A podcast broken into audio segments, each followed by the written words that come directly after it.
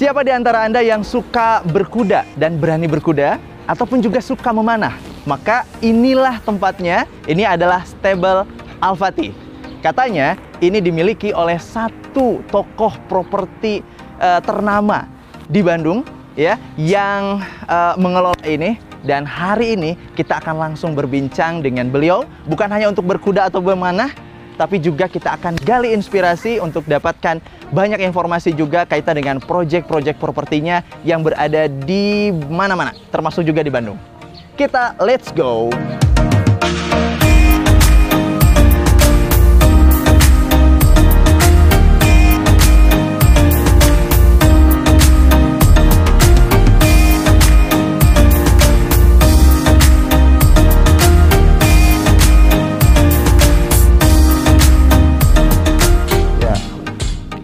Tembak lihat sasaran. Iya. Waduh dah. Dapet ya saat main kuda sana. Assalamualaikum Ustaz. Waalaikumsalam Saya ganggu nih kayaknya. Iya nih ngeganggu orang lagi. Main nih, sama anak-anak. Ijal, Ijal, Ajam. Ajam. Tiap Jumat pagi-pagi kita di sini Om. Ini agenda perusahaan? Agenda perusahaan tadi udah beres Ah, boxing. Oh iya, sekarang udah jam 10 ya. Boxing, saya telat jadi main sendiri nih. Udah pada pulang. Gimana? Sehat? Iya, ini alhamdulillah Tad. Nggak apa-apa ya, kita coba boleh, boleh, boleh. Saya ganggu nih, saya coba karena banyak request pengen ada ngobrol sama Ustadz dan Irawan. Boleh, boleh, ya. Siap, insya Allah. Oh, Lagi salsen. Ini keren banget Alfati, gede, gede. Alhamdulillah ini. Udah jalan berapa lama sih ini? Ini kayaknya udah setahun setengah. Uh -uh. Setahun setengah kebetulan uh, kita pengen olahraga sunnah ya. Uh. Jadi sunnah kan tiga ya. Ya. Berkuda, memanah dan berenang. Berenang. Nah, karena di Lembang dingin, tiris ya. jadi berenangnya belum kita buat, baru berkuda dan memanah. Nah, tapi ini sudah satu setengah tahun, artinya orang udah pada kenal ini dong. Ini di depan hotel yang terkenal juga kan? Depan hotel Putri, Putri Gunung. Gunung ya. Putri Gunung. Alhamdulillah berapa kali kita perlombaan di sini hmm. dan informasi dari pengelola yeah. itu Kang Habil ini trek HBA di Jabar yang masuk standar ya. Satu HBA itu apa Kang Habil? Horseback archery. Oh. Jadi memanah di atas kuda. Oh, yang Kang Habil suka lakukan yeah. itu ya? Kalau Ustadz kan belum ya? Iya, saya kan gurunya Kang Habil. Oh, kan bisanya kan dari saya. Jadi belum bisa HBA kalau hmm. belum bisa berkuda dan yeah. belum bisa memanah. Jadi oh. berkuda mahir dulu, memanah mahir kayak saya tadi kan. Yeah. Tuh poinnya langsung langsung yang hitam. Setelah mahir baru kemudian boleh HBA, tracknya oh, ada. Iya, iya. Kalau belum lancar nggak boleh, bahaya. Oke, oh, oke, okay, oke. Okay, okay. Berarti ini kalau dari sisi standar ini udah masuk standar ya? Di Jabar, Jawa Barat. Jawa Barat ini trek HBA yang standar Paling, oh. kepake okay. oleh Pordasi. Sebenarnya tadi ini di apa ya? Komersil atau enggak? Ini sebenarnya gimana ya? Jadi diawali dari hobi dulu. Uh mhm. -huh. Hobi pengen semua aktivitas kita terkait dengan aktivitas yang sunah-sunah ya. Iya, betul. Maka kadang kan resah kita orang tua ngajak anak-anak wisata hmm. gitu ya. Betul terus wisatanya teh eh, interaksinya teh nggak sari gitu yeah. ya dan yang dilihat ya begitu ya. Oke. Okay. Makanya kita pengen sebenarnya buat kawasan wisata hmm. sunnah yang mana di dalamnya itu aktivitas-aktivitas sunnah dan interaksinya itu terjaga. Kita itu bisa standarkan juga ya. Kita standarkan. Hmm. Dan ternyata setelah digeluti eh ini bisa jadi value nih akhirnya ke properti lagi Aduh, gitu ya, ya akhirnya cuan lagi cuan lagi cuan lagi jadi ya seputar itu lagi ya, akhirnya ya. jadi kita hmm. berhobi terus kita ke eh, BOD ya iya. ngobrol-ngobrol yeah. eh teman-teman kalau uh, di perumahan kita iya. ada value berkuda dan memanah, hmm. kayaknya ini jadi value yang menarik ini. Oh, iya. Betul, betul, betul. Akhirnya balik lagi ke properti-properti lagi. Tadinya kita tuh buat ini kan untuk refreshing ya. Hmm. Sampai-sampai katanya ada juga akhirnya yang mengadopsi ini di satu perumahannya, betul? Betul sekali gitu. Ya. Tapi nantilah kita ngobrolnya kita cari tempat yang enak. Siap, boleh. Boleh yang boleh. bisa lihat kuda sekalian ya? Ya. Oh, Oke. Okay. Nanti ada kita... berkuda, panahan, ah. camping ground juga bisa di Camping sini. ground juga ada. Ya, wow. Ada, ada musola, Ikhwan, Ahwat, insya Allah. Mm -hmm. Mudah-mudahan lengkap. Siap. Nanti ya kita lanjut. Di sebelah mana tuh? Sebelah sana boleh? Boleh, boleh. Mangga, mau di mana? Nah, sekarang teman-teman kita sudah langsung berada di spot paling enak ya, yang melihat ke belakang juga, wah, ini kelihatan semua. Tapi kandang kuda yang berjajar ada di belakang kamera ini. ya, termasuk camping ground dan lain-lain. Saat ngobrol di sini ya, boleh ya? Boleh, Ya, boleh. enak nih, boleh. untung cuaca eh, Lembang ini sangat nyaman sekali ya. Mudah-mudahan juga obrolan kita di pagi hari ini jam 10 pagi udara Lembang ini eh, juga bisa segar-segar. Obrolan yang segar tentang apa sih? Tadi yang kita kita apa? Properti. Properti boleh ya? Bosen sebenarnya. Bosen ya. tapi kan kalau di channel ini belum. Kalau di channel yang lain mungkin eh, tapi kalau di channel ini berbeda. Kita akan gali Oke, itu lebih siap. dalam lagi ya. Oke. Ustad, eh, sejak kapan Ustadz Dandi ini kemudian masuk ke core eh, developer? Ya, kalau basic saya memang sipil kan. Betul. Saya kuliah sipil. Sebelum ke developer itu Pernah saya kontraktor ya? kontraktor dulu. Mhm. Ada tahapan lah ya. Betul. Bahkan saya juga pernah kerja di kontraktor dan konsultan ya. Jadi nimba ilmu dulu di sana. Setelah itu akhirnya waktu itu kan properti syariah belum ada Belum. konsepnya. Makanya karena kita tahu developer itu pasti interaksinya dengan riba, makanya saya belum tertarik. Oh, ini waktu posisi sebagai kontraktor. Sebelum kontraktor. Bahkan sekalipun. sebelum kontraktor. Kan kita itu harus punya goals ya. Mhm. Kita mau jadi apa nih? Mhm. Nah, eh, yang top di properti itu kan developer. Developer. Tapi karena masih belum ada konsep yang muamalahnya sesuai syariah, ya mau nggak mau kita udahlah turunin. Aha. Jadi kontraktor. Akhirnya Oke. saya kontraktor dulu. Kalau kontrak kontraktor itu clear tadi atau masih bisa dilokalisir secara akad dan sebagainya? Tergantung project. Oke. Maka saya tidak mengambil project-project government. Oke. Karena ya begitulah kita tahu ya. Anggarannya berapa, turunnya berapa, Iya. Oke. untuk dapat harus gimana kan Mhm. gitu. Nah, Mhm. Oke, kita putusin dah klien kita hanya perorangan dan corporate saja. Corporate kayak Itu Indomaret. Indomaret clear. pernah ya? Indomaret, ownernya Indomaret. ya. Waktu ini core eh, kontraktor pada waktu Core itu. kontraktor awalnya sebelum Hmm. kita jadi eh, Developer. developer gitu ya. Setelah saya jalani kontraktor, aduh capek juga. Maksudnya capek tuh gini Kang, karena kalau kontraktor kan kita gimana project. Project pindah tempat maksudnya pindah berarti. tempat saya nomaden dulu kan Mhm. ada proyek di Garut ke Garut di Jakarta ke Papua Jakarta. Papua pernah itu Oh, tim ya. Tim ya. tim kita Papua project ya pejabat lah di sana. Iya, iya, iya. bikin rumah ya sudah kita kerja di sana kan. Di Jogja kita ke Jogja Iya. ya. Ke Bandung kita ke Bandung kan capek gitu. Iya. anak-anak kasihan. Untungnya dulu belum sekolah kan. Oh iya masih kecil-kecil. setelah udah sekolah wah ini kita nggak bisa begini. Akhirnya ha- harus menciptakan project gitu ya, harus Kebayang. menciptakan project supaya kita stay di satu lokasi yang kita inginkan Oke. Nah, gitu. Mhm, mhm. karena saya pernah ke Jakarta panas Bekasi panas aduh Garut eh, apa yang dingin gitu masya Allah nggak kuat ya Oke. tengah-tengah aja Bandung di Lembang dah Oke. Lembang, tapi karena proyeknya harus kita bentuk, di situlah waktu itu kemudian kita eh, mulai mengadopsi konsep eh, Developer. developer, eh, tanpa bank.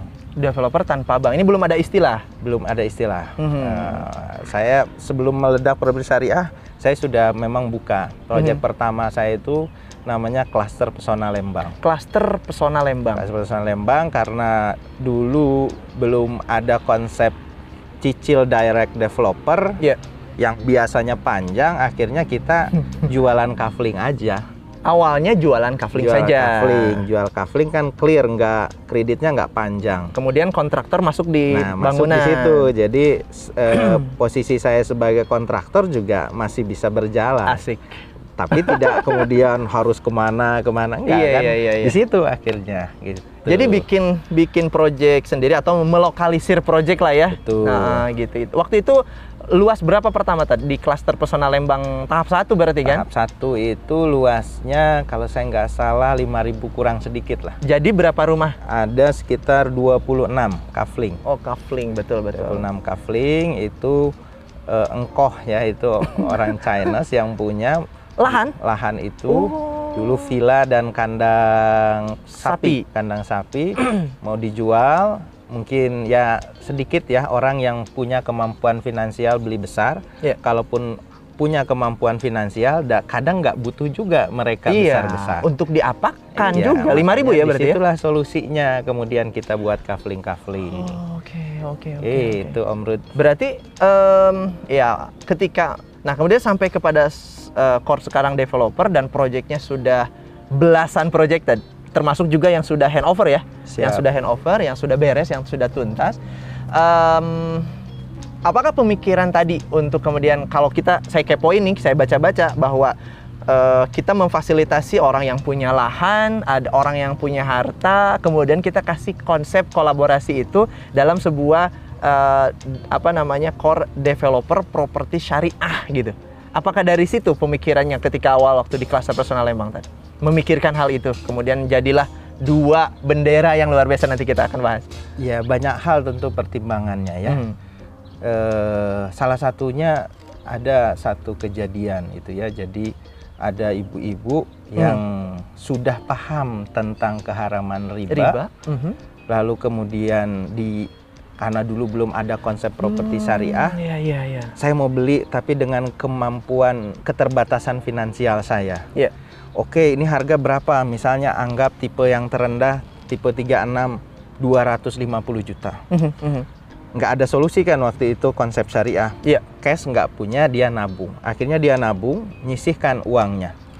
Saya lupa dulu nilainya berapa, anggaplah 5 juta. Berarti Mhm. kalau 250 juta, kalau dia bisa nabungnya 5 juta, 5 juta. kira-kira sabar tahunan. KPSR na Om.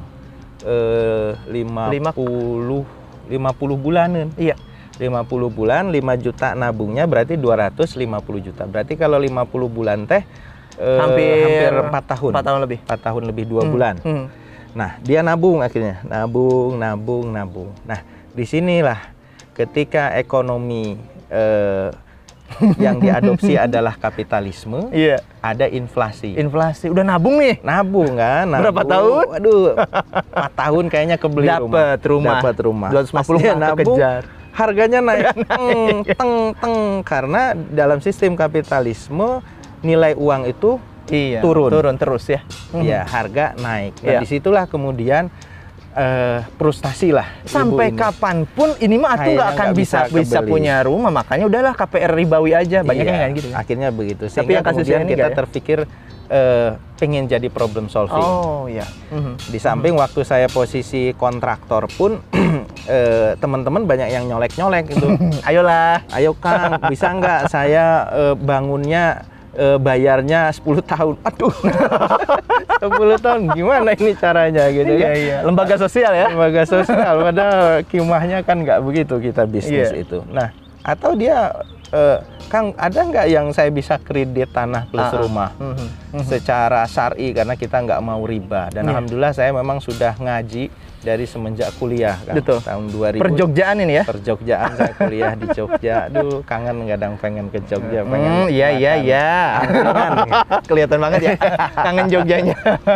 ya jadi akhirnya ya karena banyak teman-teman yang eh, tahu posisi saya profesinya di kontraktor Kang ayo dong bu- buat konsep eh, properti syariah Oke. Mhm, Nah, mhm. di situlah waktu itu boomingnya kalau saya nggak salah 2014 ya. Iya.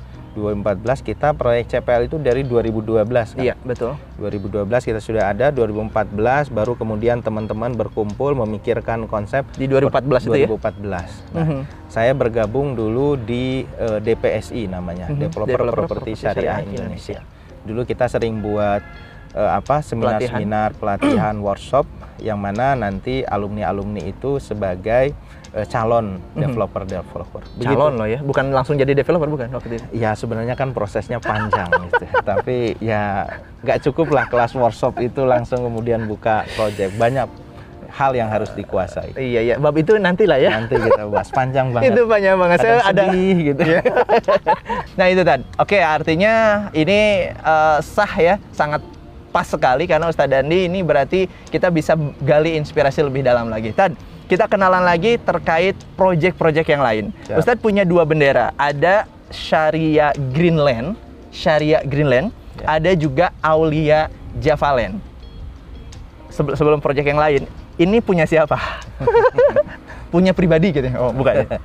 ya, terus terang kalau lahan ini saya di core-nya kan properti. Betul. Saya di dua perusahaan yang tadi Kang Rudi sampaikan, hmm. tapi saya juga membantu di sebuah NGO ya, yayasan. Okay. Mm -hmm Yayasannya namanya Sinergi Foundation. Sinergi Foundation. Nah, ini adalah lahan wakaf Sinergi Foundation. Oh, iya. Lahan iya, wakaf iya, ini iya. nanti akan dibangun uh, pesantren, masjid terbesar masjid sudah, nanti sudah lagi mulai proses ya? pembangunannya. Hmm, hmm. Uh, uh, terbesar nanti di Lembang Betul. itu jadi bahkan lebih besar dari Masjid Kaumnya nanti ada uh, apa? Uh, kawasan wisata. Hmm oleh-oleh belanja dan lain sebagainya di sini. Sedang okay. kita nunggu proses perizinan. Luas berapa total? Ini total lahan sekitar 3 hektaran. 3 hektar. Nah, tapi karena belum dipakai semua, mhm. -huh. akhirnya saya di apa namanya diamanahi oleh uh, yayasan untuk ya sok dimanfaatin dulu Aduh, sebelum ini nih.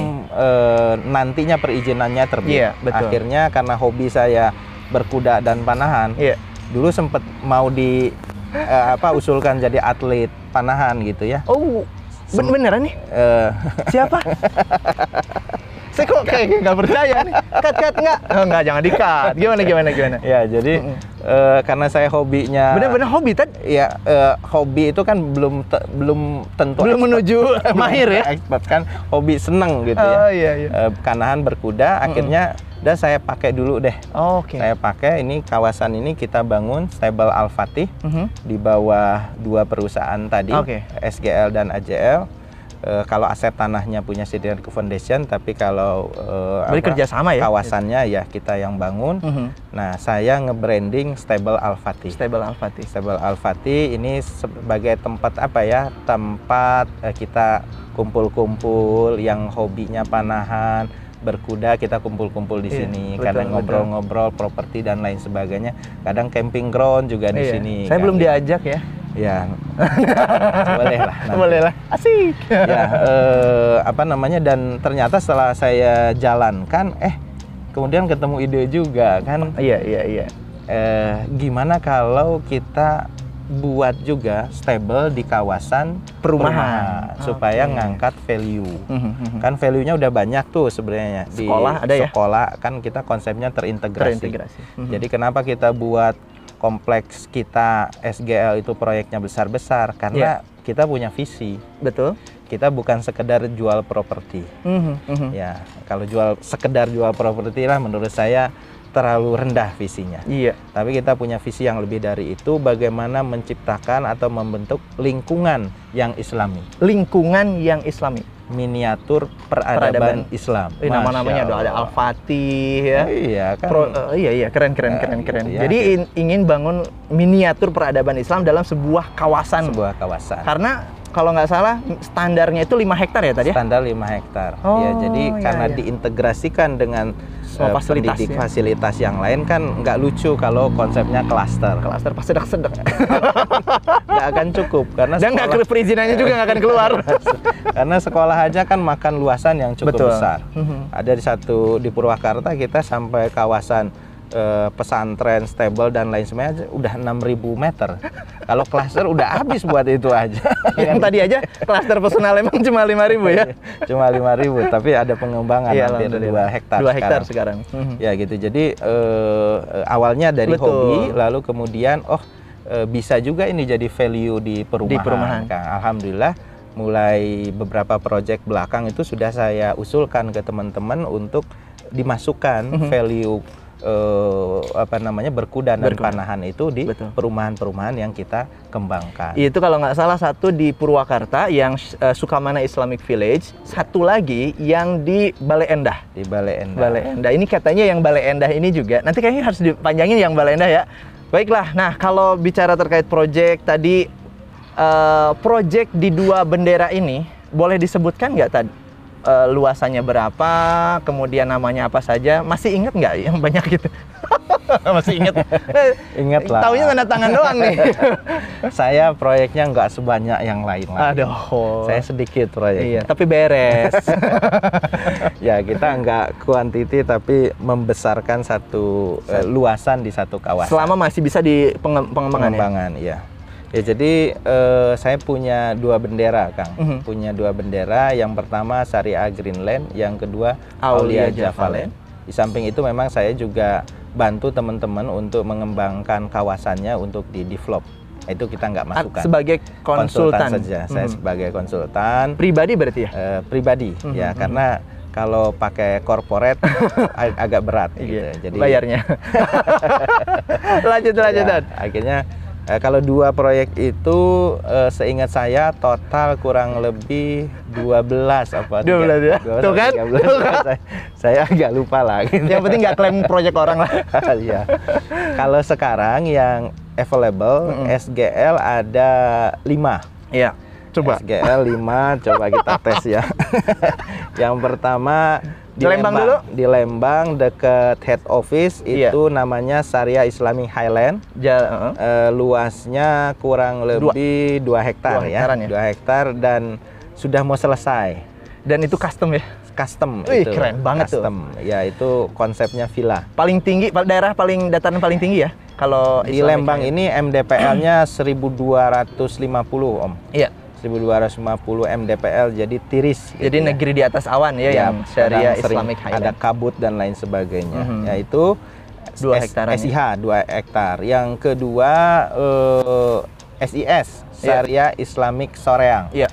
Syariah Islamic Soreang itu luasnya sekitar 4,6. Mm -hmm. Ya sekitar segitu lu, jumlah unitnya itu ada berapa? 300-an. 300-an ya, mm -hmm. 400 kurang ya. Yeah. Ada ruko-rukonya dan berpotensi pengembangan sampai 10 hektar. Mm -hmm. Nah, di situ kita integrasikan uh, sama pendidikan, Kang. Uh, karena itu udah kawasan banget kawasan, ya? Kawasan, mm. karena standar kita itu kan 5 hektar itu bukan untuk gaya-gayaan. Jadi, oh pengen kelihatan gede enggak, bukan. karena kita punya maksud. Iya. Ada visi di dalamnya okay, mengintegrasikan eh, apa namanya kawasan pendidikan eh, karena begini Kang. Yang tiga pilar itu tadi. Saya belajar dari guru-guru saya bahwa kan tadi kita goalsnya menciptakan peradaban Islam. Mm -hmm. Nah itu eh, kaderisasinya dari anak-anak kita kan. Uh, mungkin peradaban Islam itu yang bisa menikmati bisa jadi bukan kita, iya, iya. bisa jadi anak-anak kita. Kita Maka, fasilitator dong. Fasilitator. Nah kita siapin mereka. Nah anak itu terbentuk. Yang saya kaji itu dari tiga uh, tiga Aspek pilar. Lah, tiga pilar. Tiga mm -hmm. pilar. Ya. Apa itu yang pertama dari keluarga? Ya.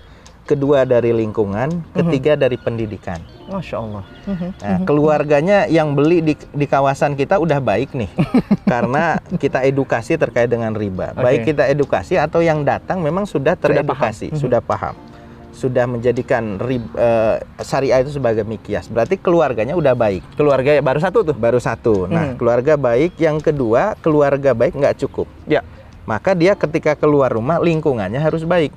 Oh, Oke. Okay. Lingkungan hmm. baik. Kan hmm. nggak hmm. lucu di rumahnya uh, komunikasinya bener bagus pas keluar nah kia gini iya. gitu kebun binatang kebun lagi kebun binatang lagi pakaiannya begitu oh, kan iya. jadi bingung anak-anak teh anak punya oh ada kebingungan tadi iya kan nilai yang di dalam uh, nilai yang di luar yang diajarin begini tapi fakta masyarakat kok begini nah itu gitu. nah betul. bingung maka itu kita harus menciptakan lingkungan, lingkungan yang juga. islami oke okay. kan hmm. itu satu sudah baik keluarganya Keluarga kedua lingkungan, lingkungan. baik lamun teh ayah sekolah sekolahnya keluar Iya, keluar komplek lah keluar misalnya. komplek sekuler mhm. sekolahnya mm -hmm. berbeda dengan yang diajarkan di, di rumah dan lingkungan yeah. kan bingung anak-anak bingung lagi aduh kumaha ya kan jadi nah oh. supaya kemudian anak ini eh, karakternya terbentuk saksiah Islamiahnya baik mm. maka tiga pilar itu harus ada di satu kawasan peradaban oh. itu Oke. Okay. Oh, mm-hmm. ini kan dahsyat ya. Dahsyat, betul. Nah, kalau kita bicara khilafah mm. gitu kan dulu mah begitu. Masya Allah ini luar biasa gitu ya. Nah jadi eh, apa namanya eh, pen, di rumahnya mm. sudah baik, terus di luarnya baik, kita fasilitasi juga sekolah di dalamnya. Bahkan atau ada pesantren. Pesantren. Nggak tanggung-tanggung. Kadang ada yang sekolah ada pesantren ada, ada atau minimal salah satunya, salah satunya. Hmm. pesantren gitu ya. Di hmm. Purwakarta kita punya misalnya pesantren modern. Betul. Yang basis oh ini. Ya. Pesantrennya saya bocorin dikit ya. Siap. Manajemen bisnis Islam. ini sudah kepoin banyak. Saya udah wawancara juga di sana.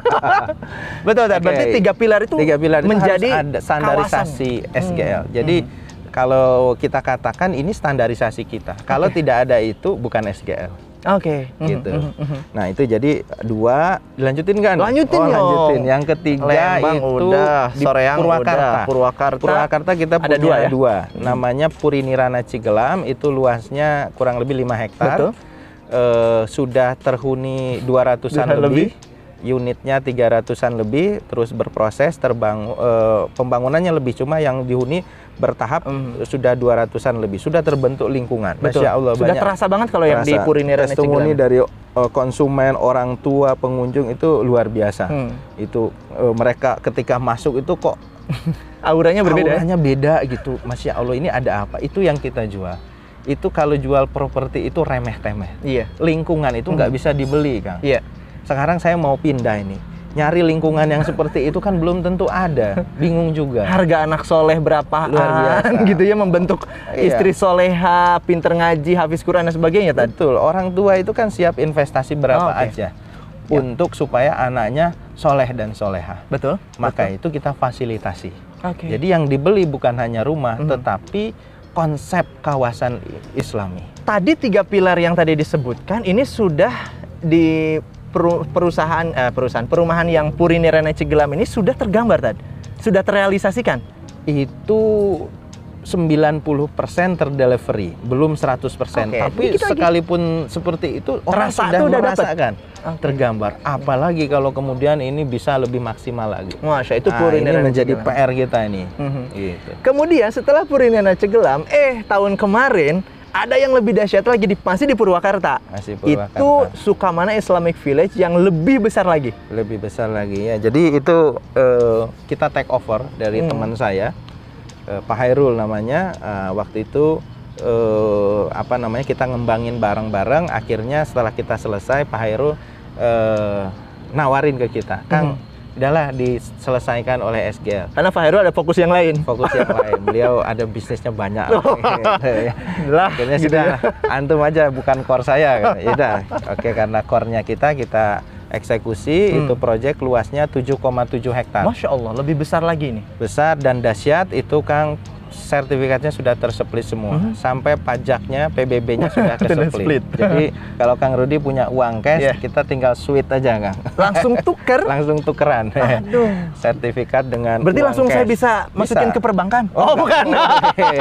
Enggak boleh, enggak boleh. Aduh, punten, punten.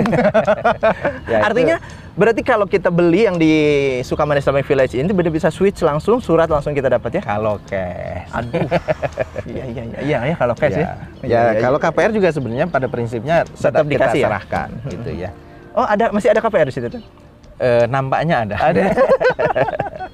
baik baik tadi situ katanya yang tadi ada pesantren manajemen bisnis Islam. Kenapa Betul. ada pesantren itu di situ? Yang fasilitasnya kayaknya paling dahsyat juga. Ya sebenarnya kita tadinya kan standar kita ada pendidikan mm -hmm. karena SIV Sukaman Islamic Village ini jaraknya hanya satu kilometer dari dari PNC. PNC, sedangkan di PNC sudah ada sekolah oh, sampai ngerti. SMP mm -hmm. dari PAUD atau TK, TK ya, mm -hmm. uh, SM, SD, SMP, SMA juga insya Allah ya, nanti masih ada. ada di situ ya. Uh, kan marketnya jadi terpecah. Ah, Oke. Okay. Akhirnya mm -hmm. sudah uh, sekolah di PNC saja, mm -hmm. di SIV kita buat pesantren. Oke. Okay. Alhamdulillah mm -hmm. kita uh, plotting ada sekitar 6.000 meteran. 6.000 meter 6, khusus ya untuk pesantren. Pesantren. Kalau klaster itu udah jadi klaster sendiri. Gitu.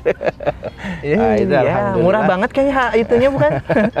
kan nggak ada yang murah kalau di Purwakarta itu tanah itu ya, tapi luar ya. biasa biasa 6000 meter. Itu value-nya dahsyat itu. Hmm. Value-nya itu value real estate harga menengah. Harga harga menengah tadi kalau harga kita menengah kasih ya. fasilitas real estate. Itu bisa gitu. Bisa. Tapi tapi jadi nggak tapi nggak jadi punten bualan kata-kata itu nggak klise karena kenapa tadi visinya ya tadi ya visi kawasan itu yang saya tangkap bahwa kalau kita ngomongin oh iya kok ini fasilitasnya real estate banget padahal harga menengah misalnya kita sih memang arahnya nggak ke situ. Kalau ngomongin jualan, kita harganya nggak mungkin segitu dong. Tapi kita ngomonginnya adalah terkait ini adalah pembentukan atau idealisme kawasan tadi tadi, yang ada tiga pilar di dalamnya keluarga, lingkungan, dan juga pendidikan. Betul. Masya Allah. Tuh udah Purwakarta udah dua. Mau tambah lagi Purwakarta nggak? Eh, sementara cukup. udah dulu ya. Sementara udah gede banget itu. Nah itu yang keempat ya, Hmm. eh, sekitar 7,7 hektar eh, sudah terbangun berapa unit, sudah masjid sudah terbangun. Betul. Itu dekat kawasan industri kan. Iya itu sasarannya sampai 90% katanya juga yang PNC itu dari kawasan industri. dari ya? kawasan industri. Tapi fasilitas ini lebih dahsyat lagi dibanding PNC. Makanya Hmm. biasa di branding teman-teman PNC 2. PNC 2, portofolio jelas Ya, ya. itu yang keempat, yang kelima itu di Bandung, Bandung Timur. Hmm. Namanya Sukamana Islamic Cimuncang. Eh, syariah Eh maaf Islami. maaf. Masa Sorry. intera- masa ketahuan saya ini ya. Karena kama- saya baru syuting kemarin di situ. Jadi tahu. Siap. Syariah yang Cimu oh, ya. Islamic Cimuncang. Cimuncang, pada suka itu ya? Pada suka ya. pada Cahem, suka. Cahem. Bandung Timur itu. Mhm. Itu luasnya sekitar eh, 1,5, Iya, tapi iya, pengembangannya bisa sampai standarnya kita. Iya iya iya Gitu. iya. Nah seperti itu. Itu keren loh. Itu Wah. itu bisa dikatakan sebenarnya pusat kota kan. Pusat kota betul. Dekat Gazibu, Gazibu kan anggaplah itu 0 km 0 km Bandung ya. bahkan Jawa Barat. Jabar itu se- 10 menit 15 menit Iya, lah. betul ke situ tuh. Iya, Hmm. dekat sebenarnya. Hanya berapa kilometer ya itu Makanya ngom kita branding itu bahkan itu pusat kota ya. Kota. Perumahan syariah di pusat kota pusat gitu kota. kan. Memang padat kan daerah situ karena memang ya sudah pusat kota di sana. Iya iya Gitu, iya. ya. Jadi SIS ada eh, Eh, SGL ada 5 kan. Betul. Tadi ya SIH, eh, SIS, S, eh, SIV sama SIC terakhir. Ya, Yang SIC. itu. Itu udah de- eh, Bendera yang pakai brand SGL. Syariah Greenland. Syariah Greenland. Oke, Ustaz, kayaknya kita harus berkeliling nih. Nanti boleh ya kita sambil jalan. Ngapain ini sama Kang Wildan nih fotoan terus ya. Nanti udah dulu nih, tapi mudah berkuda, Kang. siap. Mudah-mudahan saya berani ya. saya pernah sih anak saya yang suka Anak saya udah di sini tadi, udah ini, udah apa? Udah privat. Alhamdulillah sudah bisa, Bapak ya? Bayar dong. Bayar. Nah, waktu atau enggak, tapi waktu masih diskon. Alhamdulillah nih kuda-kudanya luar biasa juga. privat di sini, kan? Bisa privat juga di sini. Betul. eh, harganya juga bersaing, sang- eh, sangat-sangat bersaing tapi dan tapi yang pasti sih sebenarnya di sini nyaman dan bagi saya begitu. Nuhun, Ustaz Dandi. Sami-sami Kang Rudi. Punten ya di repot. Nanti kita kayaknya boleh ya kalau di proyek-proyek yang tadi disebutkan kita jalan-jalan. Insya Allah. Masya Mudah-mudahan bisa Allah. ditemani oleh saya. Asik, iya ya sibuk ternyata.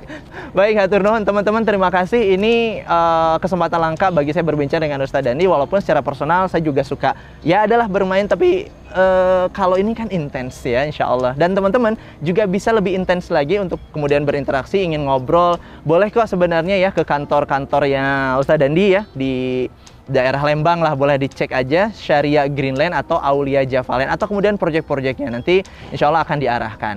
Terima kasih teman-teman, mudah-mudahan mendapatkan inspirasi dari video kali ini. Saya Rudi Miftah, mohon pamit undur diri. Wassalamualaikum warahmatullahi wabarakatuh.